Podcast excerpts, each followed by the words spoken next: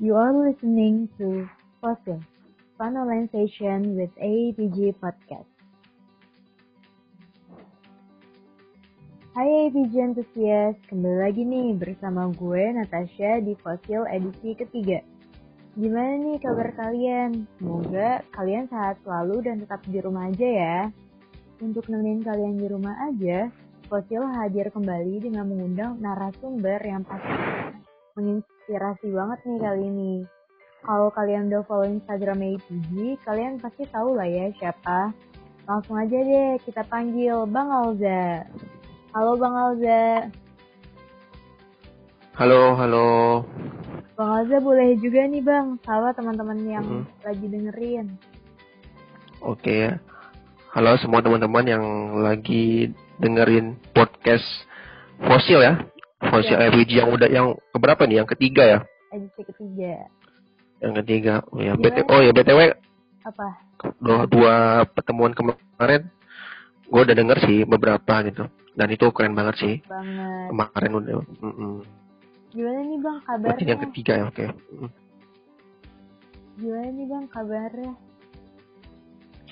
Em, kabar alhamdulillah sehat sih kalau eh, kondisi. Tapi ya kalau untuk yang lain-lainnya yang lagi pusing sama skripsi sih lagi lagi banyak ada beberapa hal yang belum dikerjain juga untuk skripsi. Jadi kalau untuk kabar alhamdulillah sehat gitu.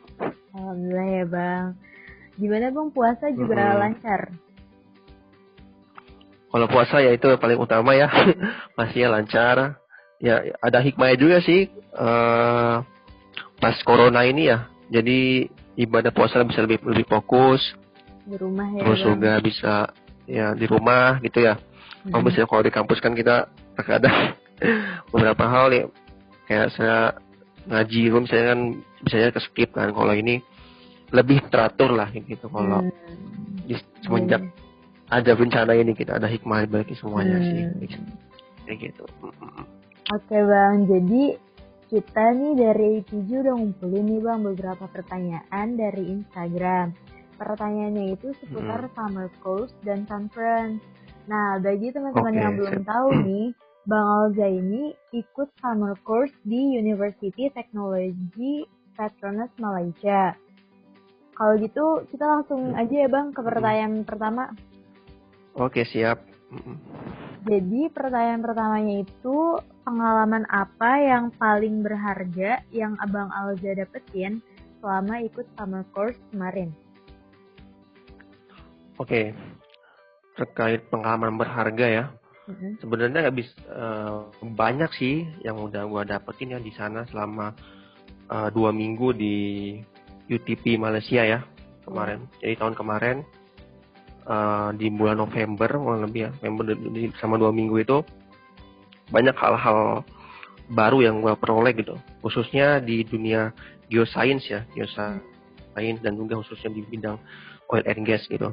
Hmm. yang paling mencolok adalah di sana sih untuk pembelajarannya mereka udah terintegrasi dengan teknologi sih teknologi yang 4.0 gitu. Misalnya mereka udah mengintegrasikan eh, aspek industri migas dengan bahasa pemrograman seperti Python gitu terus juga eh, aplikasi-aplikasi yang digunain untuk pemrosesan data di gas sudah cukup advance gitu ya sedangkan Hmm. kalau kita kan sementara ini kan masih belajar secara dasar ya gitu. Kalau mereka memang benar-benar fokus sih di di dunia gas gitu, khususnya di pengembangan industri 4.0 gitu untuk and gas ini sendiri sendiri gitu. Itu dalam aspek akademisnya sih. Terus juga uh, di beberapa hari juga kita juga sempat sih melakukan field trip gitu ya, kunjungan lapangan gitu ke geopark di Malaysia di Malaysia itu. Itu yang pertama ada kita ke Limestone Cave itu adalah uh, gua batu gamping di situ dan di situ banyak banget sejarah-sejarah yang ada di sana gitu. Terus juga kita juga trip juga ke Gunung Lang dan sana kalau dalam aspek geoscience sangat bisa bercerita banyak di situ gitu. Hmm. Jadi segala aspek baik lapangan maupun secara teori sih oke banget di sana gitu kan. Kemudian kalau dari sisi uh, kulturnya sendiri itu uh, tentu ya networking sangat penting yang udah gue dapetin selama di sana gitu dalam beberapa berbagai keragaman teman-teman di sana dari orang-orang yang asli Melayu terus juga ada orang-orang yang dari uh, keturunan-keturunan Cina India tuh banyak banget di sana banyak udah ya gue udah kenal beberapa orang gitu dan mereka sangat welcome banget dengan dengan, dengan kehadiran kita gitu sih jadi itu sih kalau secara umum ya uh, pengalaman-pengalaman yang udah gue dapetin selama dua minggu di uh, UTP itu. Okay. Uh, ada ketentuan tertentu nggak sih bang kayak kayak tes hmm. uh, kalau misalnya mau ikut summer course? Jadi uh, untuk uh, bagaimana sih proses seleksi ya seleksi di summer course ini gitu. Jadi gue coba cerita secara kronologi dulu ya gitu untuk uh, seleksi. Jadi untuk program ini gitu ya sama kos ini adalah merupakan wujud representatif kerjasama antara FIPA dan juga kampus UTP uh, Malaysia gitu ya. Nah sebenarnya beberapa dosen di sana di UTP itu uh, adalah alumni dari FIPA UI dulunya seperti itu. Nah makanya kerjasama ini bisa terjalin gitu antar kedua pihak ini. Gitu. Nah, salah satu program untuk mewujudkan kerjasama ini adalah yaitu sama cross ini gitu yang udah berjalan kurang lebih dua kali gitu. Yang pertama itu di tahun 2018 yang udah terlaksana dan juga tahun 2019 yang gue ikutin kemarin kayak gitu.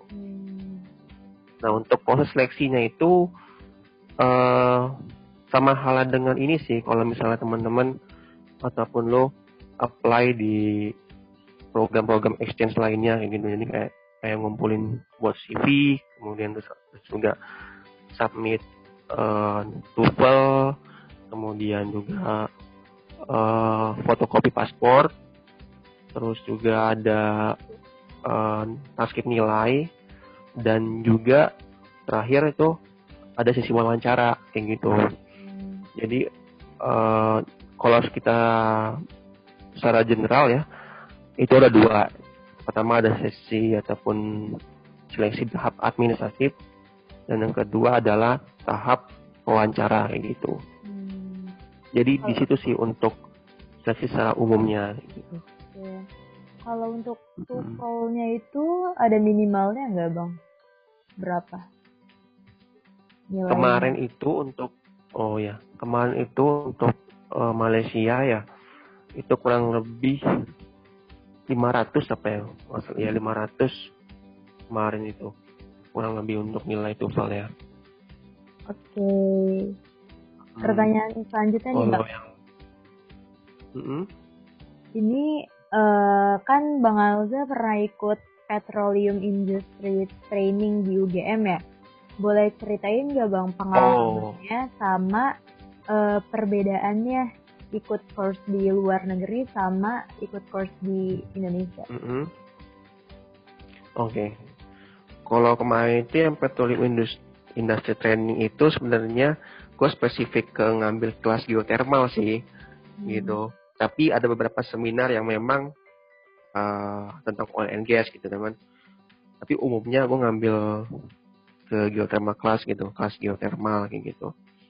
Kalau untuk perbedaannya sih ya tadi sih mungkin kalau di UTP mereka kan udah fokus ya, udah fokus ke oil and gas gitu ya, dan juga udah pengembangan in, apa ya, pengembangan teknologinya udah sangat advance gitu. Kalau hmm. sedangkan kalau di di UGM itu sendiri ya masih secara general gitu, masih secara basic gitu yang kita belajar kayak ya di kelas lah gitu. Dan juga ada beberapa informasi-informasi terkait perkembangan industrinya kayak gitu. Jadi itu sih perbedaannya dan mereka kalau gue nilai sih mereka memang sudah siap gitu untuk menghadapi segala apa ya segala perkembangan, perkembangan di industri oil and gas gitu kalau di UTP gitu hmm. karena mereka kan udah berafiliasi dengan satu company di sana kan gitu kan di hmm. Malaysia yaitu Petronas kan yeah. jadi ya pasti banyak support di sana gitu hmm. itu sih perbedaannya gitu uh, menurut Bang Alza apa sih keuntungan dan penting gak sih bang ikut summer course itu? Bang Aldo okay. sendiri tujuan ikut summer course itu apa bang? Kalau boleh tahu. Hmm. Hmm. kalau boleh kalau boleh cerita sih sebenarnya tujuan tujuan umum gue ya mm-hmm. pas tujuan umum gue adalah sebenarnya pengen keluar negeri kayak gitu mm. di awal-awal gitu jadi ya sebagaimana mahasiswa pada umumnya ya, ketika itu ya gue punya suatu visi ataupun suatu misi bahwa ya minimal gue pernah sekali gitu ke luar negeri selama kuliah di UI ini gitu karena gue melihat UI punya potensi yang cukup besar gitu untuk apa namanya membawa mahasiswa-mahasiswanya untuk belajar ataupun untuk berkesempatan menimba ilmu di luar negeri kayak gitu. Walaupun tuh ya sama kos ataupun yang ya belajar singkat lah kayak gitu. Nah dari peluang peluang itu sih ya pengen gue manfaatin semaksimal mungkin kayak gitu. Dan di balik itu semua memang keuntungannya banyak kayak gitu. Terutama ya adalah uh, wawasan kita bisa terbuka gitu melihat bahwa oh ya, oh ya bat, bat, uh, di, di luar negeri sana ataupun di luar sana perkembangannya udah sejauh ini gitu. Dan kita hmm. pun punya apa ya punya motivasi tersendiri gitu. Kalau ya ilmu yang gue dapetin selama ini ya bukan nggak ada apa-apanya gitu. Kalau misalnya kita melihat keluar gitu. Jadi di situ sih uh, rasa tahun merasa ingin belajar pun bertambah gitu ketika uh, selama dua minggu itu gue belajar di sana kayak gitu Nah, sedangkan kalau dalam aspek sosial, ya pasti sebenarnya hampir sama sih dengan Indonesia ya. Mereka karena kita negara satu rumpun gitu ya. Cuma yang membedakan adalah mereka di sana ya lebih beragam aja uh, orang-orangnya gitu di sana banyak orang-orang India, terus banyak hmm. orang-orang dari keturunan China, terus juga orang asli Melayu pun di sana juga ada gitu. Selama ini kan kita kalau di Pulau Jawa kan uh, jarang ya nemu orang asli. Karena kan di sana uh, Malaya kental banget di sana kayak gitu. Hmm, betul. dari segi sosial. Untungannya? Iya kalau keuntungannya sih lebih banyak sih emang eh, terutama untuk ke akademis itu sendiri gitu ya pengalaman belajar di sana tuh sangat berharga sih kalau di sana gitu. Oke. Okay. Uh, terus ada kesusahan nggak sih bang selama pas summer course itu? Hmm. Kayak atau kalau kesulitan tuh, gitu. mm, kalau mm, jujur sih sebenarnya awal-awal entah ya entah paling gue doang yang ngerasain entah punya layannya juga nih yang ngalamin uh, hal yang sama mm-hmm. di awal-awal sih agak susah sih untuk adaptasi memahami pembelajarannya di sana gitu oh. karena mereka udah aplikatif banget kayak gitu dan memang uh, evaluasinya sih kemarin seharusnya ya kita harus sudah tahu sudah tahu basic-basic oleh engage itu seperti apa kayak gitu. Jadi hmm. ketika kita belajar di sana kita tinggal ya apa ya tinggal improve gitu, tinggal improve uh, materi-materi yang ada di sana gitu. Dan jujur aja gue sebenarnya sempat belajar lagi tuh oleh engage dari awal gitu, malam-malamnya kayak gitu. Hmm. Ya, supaya yang refresh otak gue lagi gitu karena kan udah beberapa semester nggak ngambil kayak gitu jadi hmm. makanya ya uh, lebih ke situ sih adaptasi di awal-awal ya materinya aplikatif banget ya tapi kalau semenjak udah hari ke berapa gitu ya udah udah cukup ngikutin gitu karena emang udah kebiasa dengan istilah-istilah yeah. asing gitu kayak gitu. Oke. Okay. Sih lebih ke situ. Oke, okay, terus lanjut nih Bang. Ada pertanyaan hmm uh, caranya sebagai pemula untuk membuat sebuah publikasi gimana tuh bang caranya? Oh nih oke okay. udah lari, lari ke publikasi ya? Iya udah beda topik nih bang. Mm -mm. Untuk publikasi sebenarnya peluang kita sebenarnya banyak sih ya peluang kita luas sebenarnya bagi sebagai seorang pemula ya. Kalau gua dulu untuk memulainya itu sebenarnya kalau konteks geoscience ya ini ya mm-hmm. itu kalau yang paling realistis adalah dari hasil lapangan kita sih gitu jadi lu ketika mm-hmm. lu ngadain field trip ya kan kan lu di sana kan ngambil data gitu gitu gitu ya mm-hmm. nah lu bisa aja lu manfaatin data-data tersebut untuk diolah dan jadikan sebuah tulisan ini atau jadikan sebuah publikasi gitu nah sebenarnya gue pernah sih beberapa kali bahkan uh, ngebuat sebuah tulisan gitu ya, yang khususnya paper lah gitu. yang berkaitan dengan penelitian ataupun berkaitan dengan hasil lapangan gue kemarin gitu field kemarin gitu ada beberapa jadi sebenarnya untuk publikasi sih ya kalau memang sebagai pemula yang yang ringan-ringan dulu lah yang topik-topiknya yang bisa kita jangkau kayak gitu nah itu yang pertama sebenarnya dari hasil-hasil lapangan dan juga hasil-hasil studi literatur kita mungkin selama kuliah gitu. Dan kedua yang kedua adalah mungkin yang paling mungkin lebih lebih enak lagi ya hmm. adalah ikut join ataupun berpartisipasi dalam riset dosen sih kayak gitu. Karena biasanya setiap tahun uh, dosen-dosen itu membuka peluang tuh bagi mahasiswa-mahasiswanya untuk ikut uh, project riset mereka kayak gitu. Jadi situ sih uh, yang paling enaknya kan publikasinya mereka dibayarin gitu kan. Dan juga kita bisa bebas dari segala biaya apa pun gitu kan. Yang kedua kita juga bisa sambil belajar gitu kan ya. Terus juga bisa ke lapangan secara uh, gratis lah ya gitu. Dibiayai oleh uh, kampus gitu. Jadi yang paling memungkinkan sih dua hal itu gitu. dan pastinya kedua ini punya kekurangan dan kelebihan masing-masing kayak gitu. Kalau yang pertama ya jelas gitu. Kita uh, setidaknya harus menanggung biaya publikasinya sendiri gitu kan ya walaupun memang kita bisa mengajuin dana gitu kan tapi kalau yang kedua yang kedua ya justru jadi keuntungannya jadi keuntungannya adalah ya publikasi kita dibayarin oleh oleh kampus gitu untuk opsi kedua gitu kalau gitu. yang opsi mm -hmm. kedua yang kita ikut riset dosen itu mm -hmm. uh, seleksi lagi atau gimana bang? Ada seleksi. Um, bergantung kebijakan dosen masing-masing sih gitu. Oh. mungkin ada ya dosen-dosen yang memang selektif gitu ya yeah. memilih uh, mahasiswanya gitu. Ya yang terpenting adalah ya kalian punya minat di bidang tersebut gitu loh. Dan hmm. saya kalian punya minat di bidang apa oil and gas ya. Ya siapa dosen yang memang punya kapabilitas di situ kayak gitu. Kalian tinggal ngobrol aja dengan dengan dosen yang bersangkutan kayak gitu jadi yang penting kalian punya passion ataupun punya minat di bidang kalian masing-masing kayak gitu. Kalau kalian punya minat di di geothermal ya silakan gitu. Kalau misalnya di oil and gas ya silakan gitu. Oke. Okay. Hmm. Uh, pernah ada kendala atau kesusahan gak sih bang dalam membuat suatu publikasi? Kan abang udah banyak nih publikasinya lumayan. Hmm ada pernah sempat ada kesusahan atau kendala gitu nggak bang? Kalau secara teknis ya mungkin lebih ke uh, biasanya kalau kita melakukan publikasi itu kan biasanya ada ini dulu ya pengambilan ada lapangan gitu gitu kan ya. Mm-hmm. Ya, ya biasanya di situ sih uh, kesulitannya ya. Terkadang ada data yang kita dapetin itu agak kurang mendukung gitu, agak kurang support untuk uh, keluar sebagai tulisan yang memang terstandarisasi lah gitu untuk dipublikasikan. Itu sih kendalanya.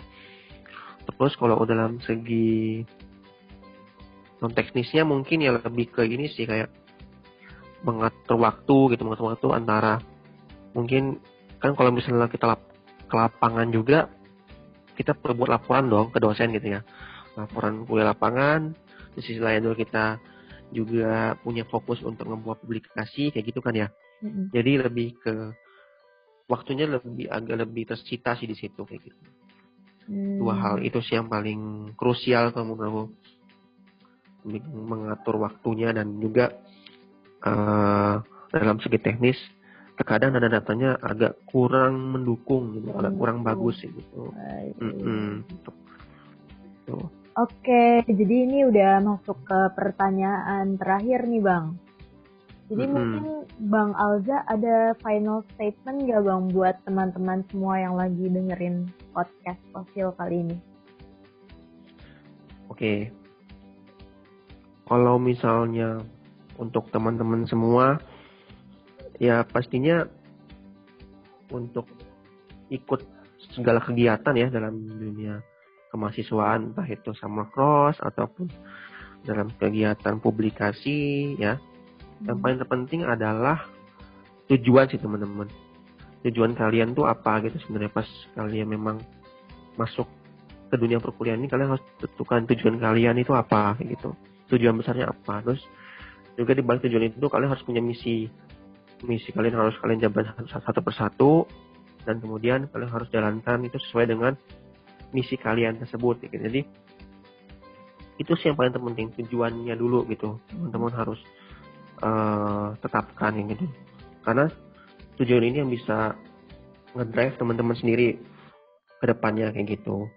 Entah itu kalian mau fokusnya di di mana entah fokusnya di sama cross ya silahkan dipersiap, dipersiapkan kayak misalnya udah mulai buat paspor dari sekarang kayak gitu. Terus juga udah mulai mungkin ambil tes TOEFL dari jauh-jauh hari kayak gitu terus juga mungkin juga bisa coba riset riset ke beberapa mungkin ke beberapa informasi-informasi yang ada di kampus. Ada banyak banget kok informasi-informasi di kampus UI gitu yang menyediakan uh, peluang-peluang untuk melaksanakan sama cross di luar negeri gitu. Contohnya kayak international.ui.ac.id itu salah satunya kayak gitu yang paling terkenal gitu ya. Terus juga mungkin MIPA juga ada beberapa ada beberapa kesempatan kayak yang aku ikutin ini gitu kan sudah membeli teman sama cross di Malaysia gitu. Jadi ikutin terus ada perkembangannya juga sambil dipersiapkan kayak gitu untuk uh, persiapan menuju ke tahap seleksi sama crossnya gitu. Terus untuk uh, publikasi ya dan juga konvers mengingat uh, MIPA sebagai hal yang wajib ya untuk mengambil ataupun untuk mengambil sebuah ijazah ya kan? Salah satunya kan adalah publikasi dan juga konferensi presentasi ilmiah gitulah hmm.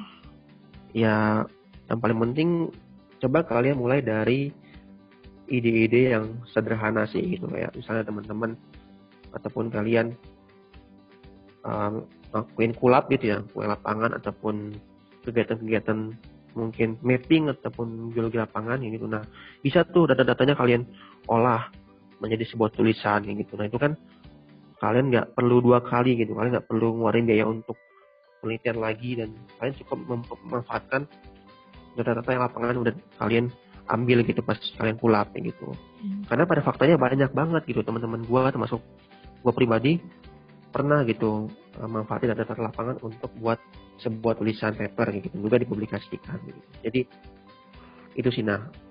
Dan yang kedua adalah yaitu uh, join riset dosen gitu yang paling juga paling uh, penting ya gitu. Karena melalui riset dosen teman-teman bisa punya banyak uh, pembelajaran di sana gitu. Baik dalam segi lapangan baik dalam segi persiapannya pun juga gitu. Dalam menyiapkan anggaran dan juga menyiapkan mencari informasi-informasi konferensi gitu. Nah itu juga penting gitu untuk uh, apa namanya nambah pengalaman kalian lah gitu sebagai mahasiswa kayak gitu. Oke, gitu deh. Berarti hmm. tujuan dan memanfaatkan peluang yang ada itu penting ya, Bang? Iya, gitu. Ini yang penting adalah ya kalau kalian misalnya baru mulai gitu ya, baru mulai mau coba memulai hal yang baru gitu ya di dalam dunia kampus ya. Tentu tujuannya apa gitu. Karena kan terkadang kita ini kan idealis ya, banyak banget yang kita capai tapi kita terkadang nggak bisa fokus ke tujuan tersebut makanya kalian harus fokus ke tujuan yang udah kalian tetapin gitu okay. Jadi dari awal memang harus diniatkan gitu iya. mantap banget ya teman-teman semua semakin banyak masukan dan tips yang bisa kita dapat dari fosil kali ini. Semoga kalian yang mendengarkan juga bisa mendapatkan manfaat dari podcast kali ini ya. Kalau gitu, YPG mau ngucapin terima kasih banyak buat Bang Alza yang sudah bersedia meluangkan waktunya untuk sharing pengalaman, ilmu, dan juga memberikan berbagai tips dan motivasi pada podcast Fosil kali ini. Semoga Bang Alza sukses terus ke depannya, sehat selalu, dan terus menjadi inspirasi bagi semuanya. Amin ya Bang. Amin, amin, amin. Amin. Sukses untuk kalian juga ya. Iya Bang, makasih Bang. Terima kasih juga untuk para pendengar setia Fosil. Sampai bertemu di Fosil edisi keempat. Stay tune terus di APG Fosil Podcast setiap Selasa selama masa kuarantin ini. Jangan lupa untuk stay at home dan jaga kesehatan ya. See you.